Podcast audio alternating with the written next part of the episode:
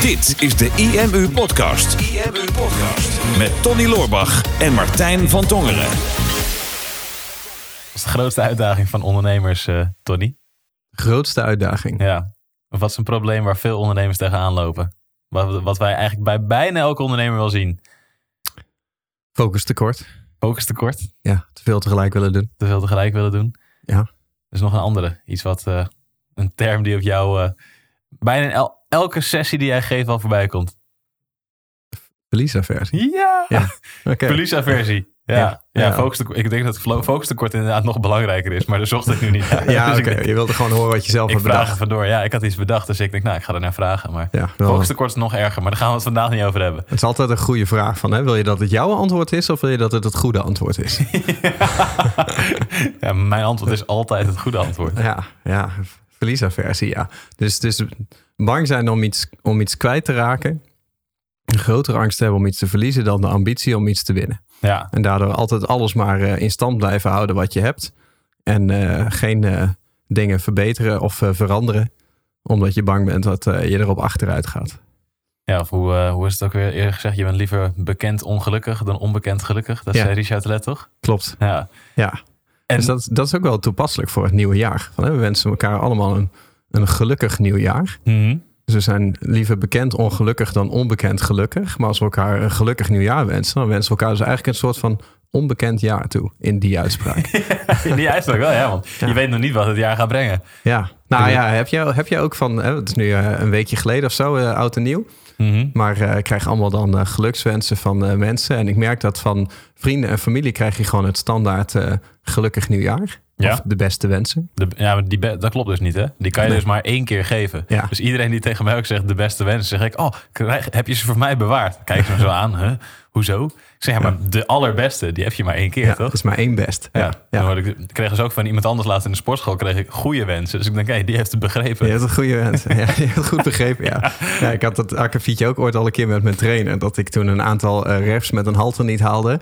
Dat ik zei van ja, ik doe mijn best. Zegt hij, ja, je best. eh, als jouw eh, team zegt ik doe mijn best, ga je ook niet mee akkoord. Je kan altijd meer doen dan je best. Ik zei nee, dat, dat kan niet. Je best is een absolute staat. Zeg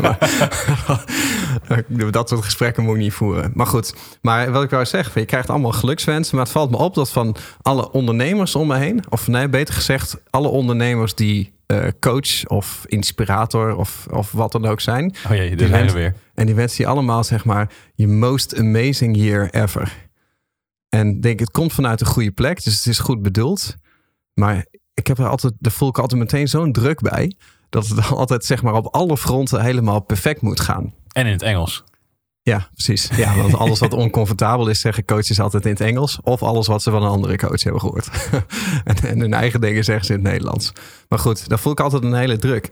En toch denk ik wel dat wij daar naartoe gaan dit jaar. Door het, het beste jaar ooit. Maar niet zozeer, denk ik, door ehm, heel veel te gaan toevoegen aan de business. Hè, maar meer gewoon een beetje door eh de verliesaversie en de focus heen te breken. Door meer te gaan kijken van hè, wat, ehm, ja, wat zouden we weg moeten halen? Of wat zouden we cleaner moeten maken? Ja, we hebben zoveel ideeën en dingen nu al op de rit staan eigenlijk. En zoveel producten, zoveel tools. Verschillende manieren van marketing die we doen, die we gedaan hebben de afgelopen jaren. En daardoor hebben we nog meer ideeën om nog meer dingen te gaan doen. En voor mij hebben wij af- allebei de afgelopen dagen eh, schrijfboekjes volgeschreven met waar we het over moeten gaan hebben met elkaar. Ja. Want dit is alles wat we zouden kunnen doen dit jaar als we alles zouden doorpakken wat we al gestart zijn. Ja. En dat zijn echt zo enorm veel dingen. Ik was aan het schrijven en ik dacht, ik kom hier in mijn eentje niet in één jaar aan toe. Ik kom hier in mijn eentje niet in twee jaar aan toe. Ik kom hier in mijn eentje ook niet in drie jaar aan Oh, toe. heb jij dan wel niet allemaal opgeschreven? Want ik had maar twee, twee A4'tjes, toen was ik klaar. je heel boek volgeschreven. Verschil tussen jou en mij. Ja. Nee, dus, dus het gaat voornamelijk inderdaad om dingen wegsnijden. Kijken Ja. van waar moeten, we, waar moeten we echt naar gaan kijken. Maar van tot nu toe ben ik nog niet echt bereid om iets los te laten van alles wat ik heb opgeschreven. Dus daar komt wel een beetje verliesaversie bij kijken, ja. Nee, het, het grappige is, ik heb dat inderdaad ook gedaan. Hè, want wij hebben even voor de luisteraars eh, besloten om... eh, dus morgen en overmorgen gaan we gewoon eh, twee dagen achter elkaar... met z'n tweeën in isolement. en, Quarantaine. quarantaine. Niet in quarantine. Nee, quarantaine heb je net geleerd. Ehm, om gewoon eigenlijk het, het, het jaar vooruit te gaan kijken. Van, hè, de, de, we hebben nu vijf, zes bedrijven. Hoeveel zijn het er? Zeer binnenkort zes. Zes. Ja. Zes straks. Uh, van hè, uh, welke producten hebben we nou allemaal die er al zijn? En welke producten hebben we wel eens overlegd die er eventueel zouden kunnen komen? En naast de producten ook van hè, welke vormen van traffic gebruiken wij precies voor zichtbaarheid? Welke vormen van conversie gebruiken we? Hoe meten we onze online progressie? Um, hoe ziet onze organisatie eruit? Hè? Welke mensen zijn er nu, maar welke functies staan daar tegenover? Welke mensen missen er eigenlijk? Um, hè? Welke verantwoordelijkheden zijn er, maar ook wie is aansprakelijk voor welke functie? En hoe gaat zich dat door het jaar heen ontwikkelen? En um, ik heb inderdaad ook even een breindumpje gemaakt van alle producten en alle traffic methodes en alles wat top of mind is. En dat zijn inderdaad best wel wat, best wel wat pagina's vol. Ik heb nog heel klein geschreven. dat is wel het verschil. Ja, maar als je daarnaar kijkt, dan denk je van oké, okay, dit, dit zit standaard in mijn hoofd van wat we eigenlijk allemaal al doen. En dat was een paar jaar geleden was dat veel minder. Hè? Maar op een gegeven moment begin je nieuwe dingen te doen. Of je investeert ergens in. En dan durf je dat daarna niet meer los te laten. En, um, en wij zien dat ook vaak, uh, ze noemen dat de sunk cost fallacy. Mm-hmm. Uh, dus daar wil het bij deze over hebben. Maar wij zien dat ook vaak bij ondernemers die bijvoorbeeld een webinar bij ons volgen. Dan, dan, dan bieden we onze software aan en dan krijg je zo vaak een mailtje van iemand die zegt van... oh, ik had het graag een jaar eerder gezien. Want ja. ik heb nu net maximaal geïnvesteerd in een webdesigner. En dan hebben ze weer 20 tot 100.000 euro aan een website uitgegeven. Die dan vervolgens niet goed scoort in Google of die niet rendeert. En dan zie je vaak dat mensen die dat hebben gedaan, dat ze zeggen van. Um, omdat ik die investering al heb gemaakt, ga ik nu niet investeren in iets wat wel goed is. Ja.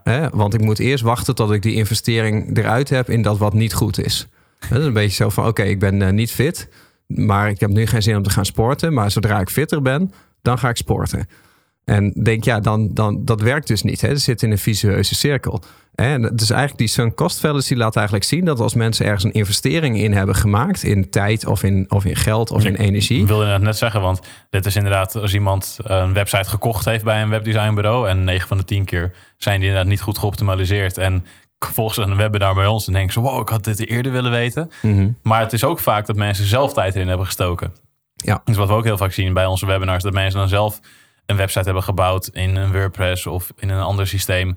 Um, die er dan niet helemaal goed uitziet, die niet goed converteert, die geen bezoekers oplevert. Maar ja, die website is een soort van hun kindje. Ja. Want ze hebben er honderden, misschien wel duizenden uren in zitten. Weken, weken, maanden, maanden eraan gewerkt. Mm-hmm. En dan wilden ze de paar tips hebben om hun website te verbeteren. Terwijl eigenlijk het beste advies is, gooi dat ding weg.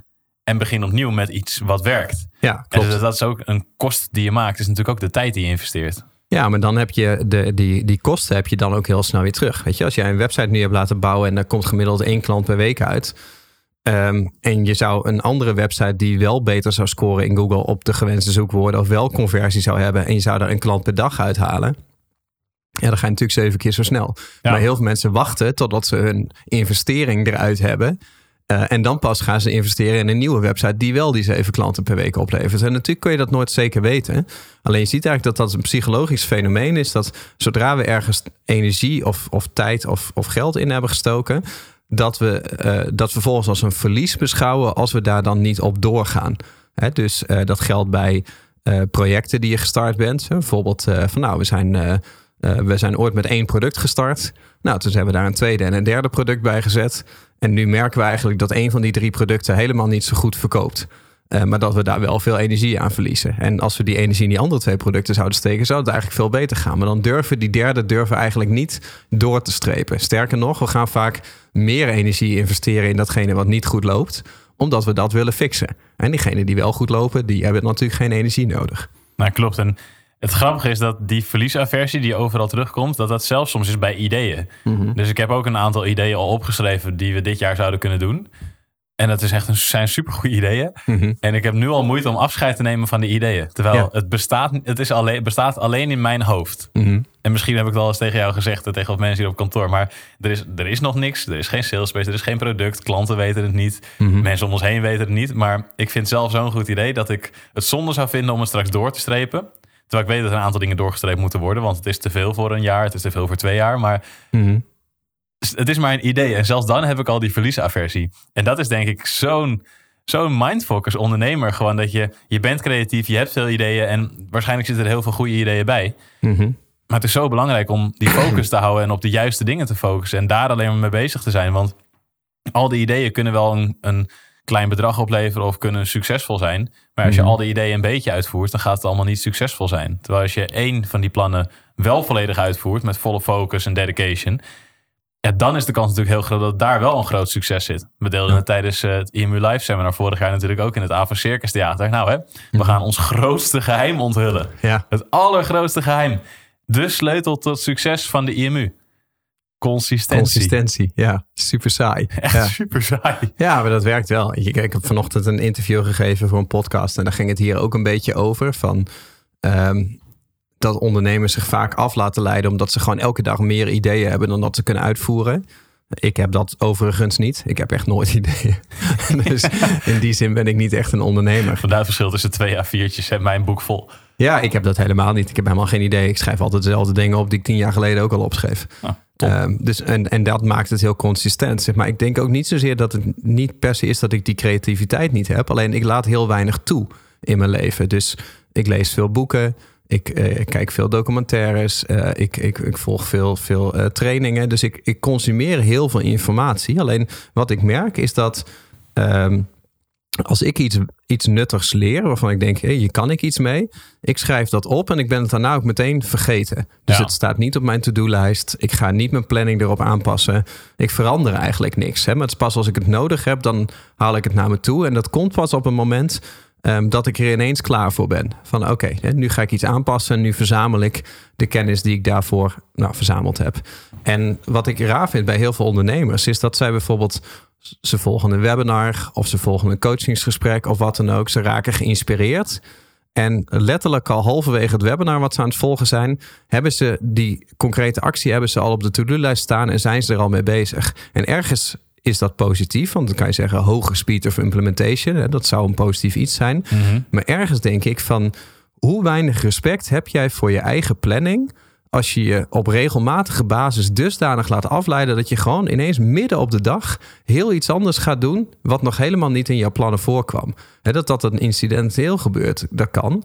Maar als dat regelmatig is, dan zegt dat wel heel veel over van weet je eigenlijk wel waar je naartoe aan het werken bent. Maar heel eerlijk denk ik dat daar het grootste probleem zit bij heel veel ondernemers. Dat die planning, die bestaat niet. Of die bestaat magertjes. Dus er is wel een idee en er is een plan waar mensen naartoe willen werken. Maar als ze niet precies weten hoe, word je continu afgeleid door inderdaad webinars, door social media, door een podcast die je luistert. En ineens, oh, ik ga het op die manier doen. En Ja. dan, maar het zit niet in jouw systeem. En omdat het niet in je systeem zit, is het niet een, een levenswijze. Dus wat jij net zegt van nou, hè, alles wat je hoort schrijf je op en dat komt pas als, als, het- als je er aan toe bent, als je er klaar voor bent. Dat heb ik het afgelopen jaar ook gedaan. En daarom is nu dus die hele bulklijst Ja, lekker. daar gaan we het morgen over hebben. Maar ik denk dat de meeste mensen die hebben niet die structuur.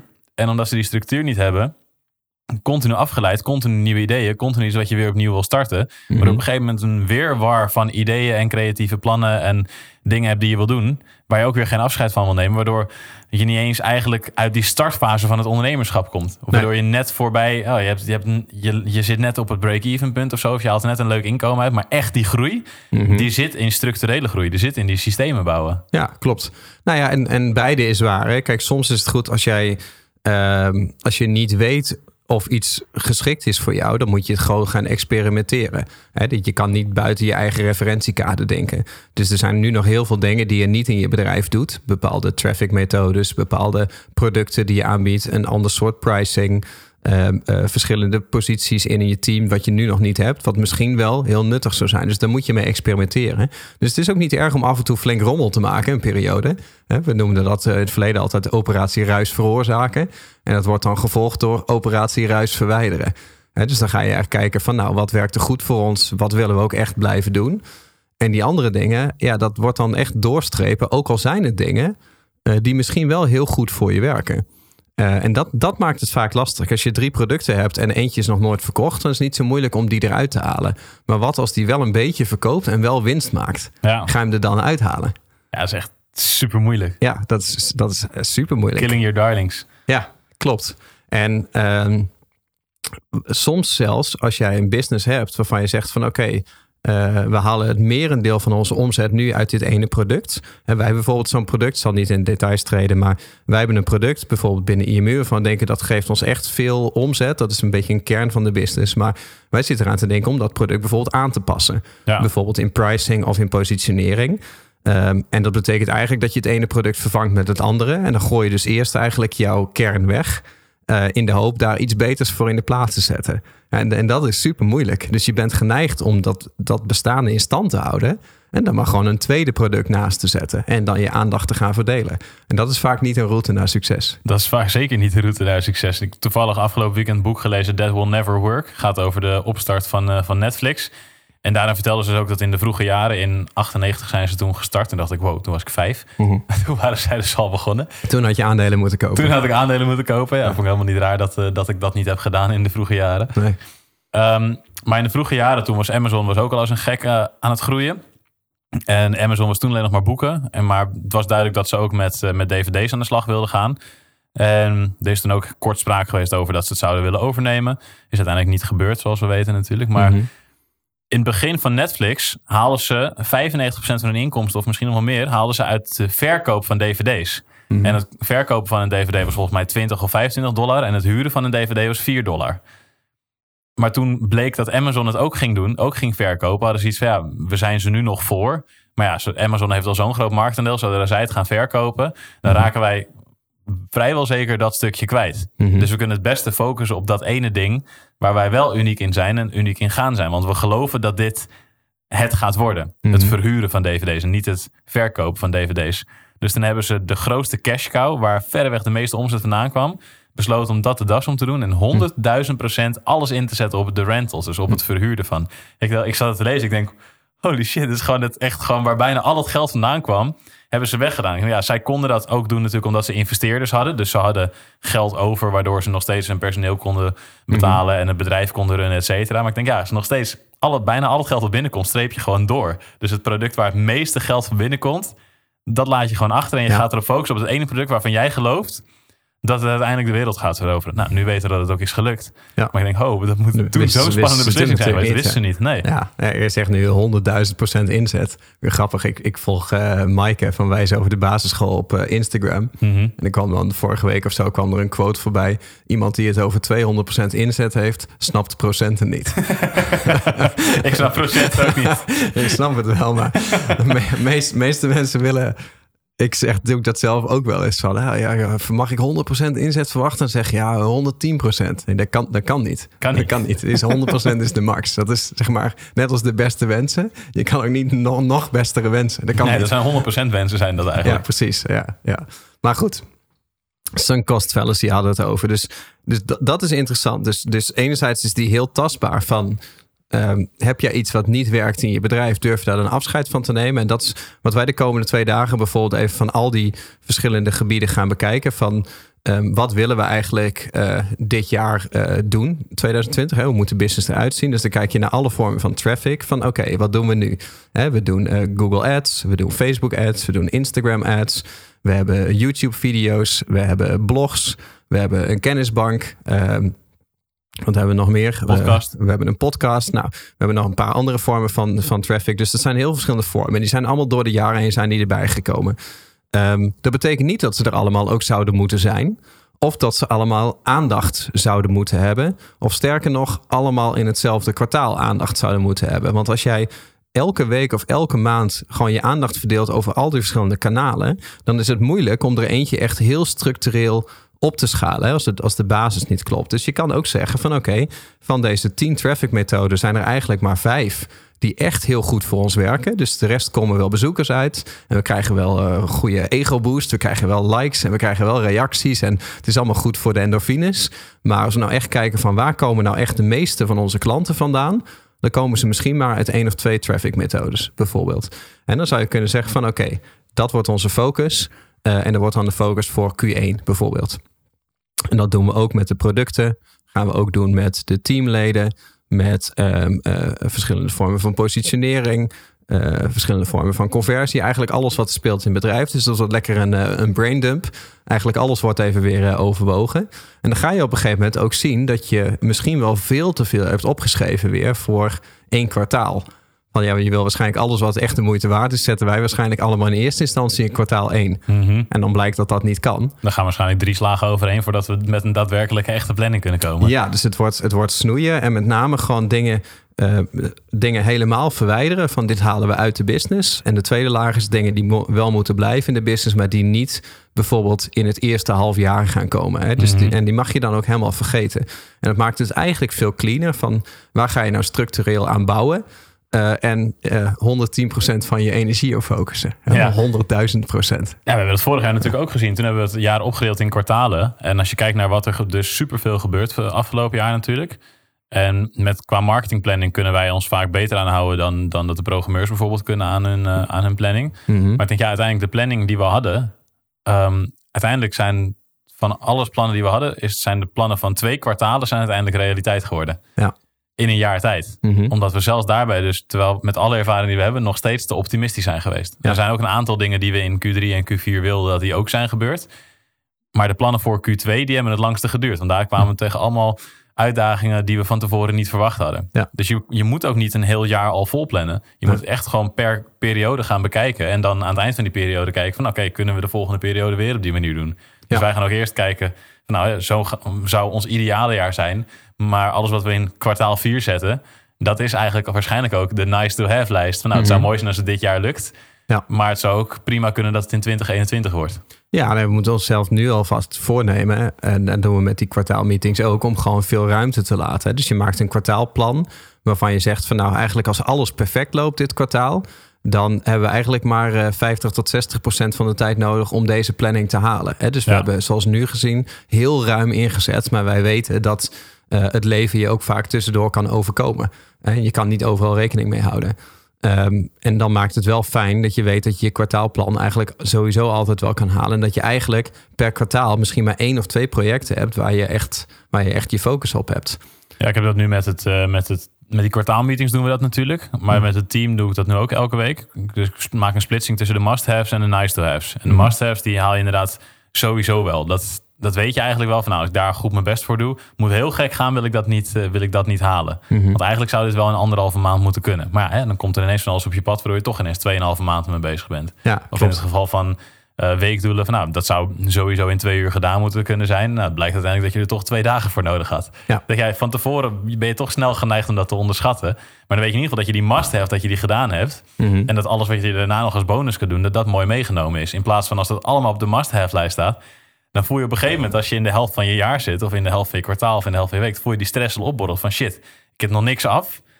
En ik heb nog die hele lijst met spullen die ik nog zou willen doen. Ja, klopt. Nou, en dan gaat het al beginnen. En dat, dat is denk ik een beetje de uitdaging die iedereen voor zichzelf kan doen. Van wat wil ik niet meenemen het nieuwe jaar in? Dus van wat heb ik de afgelopen jaren gedaan wat niet voor me heeft gewerkt. Of wat überhaupt niet werkt. Of wat te weinig voor me werkt. Ehm, of waarvan ik denk van daar ga ik uiteindelijk gaat dat, gaat dat stoppen. Ehm, en dan moet je een beetje tegen die sunk cost fallacy gaan vechten. Hè? Want je hebt er energie in gestoken. Dus je staat er al met één been in. En je bent geneigd om te denken van... oké, ik heb dit product heb ik al gemaakt. Dat heeft me heel veel energie gekost. En nu verkoopt het niet goed. Dus als ik het nu wegdoe, dan heb ik verlies. Maar zolang ik het niet wegdoe, dan voelt het nog niet als verlies. Want dan heeft het nog potentie. Ik heb hetzelfde bijvoorbeeld met aandelen. Ik ben heel actief in aandelen. Nou, ik heb gelukkig een aantal die maximaal in de plus staan. Dat vind ik prachtig. Die zijn de groene getalletjes. Dus ik daar de hele dag naar te kijken. Maar er zitten er ook een aantal bij. Die zijn gewoon gedaald sinds ik ben ingestapt. En ik betrap me er ook op dat ik dan naar kijk. Dan zie ik bijvoorbeeld een aandeel en denk... oké, die is 20% minder waard dan toen ik instapte. Denk, wil ik dit aandeel eh, de komende jaren blijven bezitten? Soms is het antwoord daarop nee. En dan kijk ik naar zo'n min 20% en dan denk ik van... maar ik wacht wel even totdat hij weer terug is op neutraal. en dan ga ik hem verkopen. En dat is heel raar, want denk... ehm, op het moment dat die 20% zou stijgen... waarom zou ik hem dan gaan verkopen? Dan zit hij blijkbaar in de lift. Maar je wil hem niet wegdoen en je, en je verlies incasseren. En dat, dat is, dat is heel, heel eh, apart eigenlijk. Hè? Want als je hem wel wegdoet en je gaat dat geld eh, wat je daarmee vrij krijgt investeren in een aandeel wat, wat je daadwerkelijk wil hebben over de komende jaren, hè, dan gaat je dat veel meer opleveren. Denk, die investering die ben je al kwijt. Ja. Die, die, krijg, die krijg je niet meer terug. Ook niet door het nog langer aan te houden. Maar door je strategie aan te passen en je tijd, geld en energie in iets nieuws te steken wat wel oplevert, kan je veel sneller kan je weer boven Jan zijn. Maar dat is een heel pijnlijk proces. En dat durven de meeste mensen niet. Nee, dus kortom eigenlijk is gewoon afscheid nemen van de dingen die niet goed werken of die minder goed werken voor je. En kijken of je dit jaar al je resources en al je energie, 100% daarvan van je tijd, je energie en je, en je geld kan steken in dingen die wel voor je gaan werken dit jaar.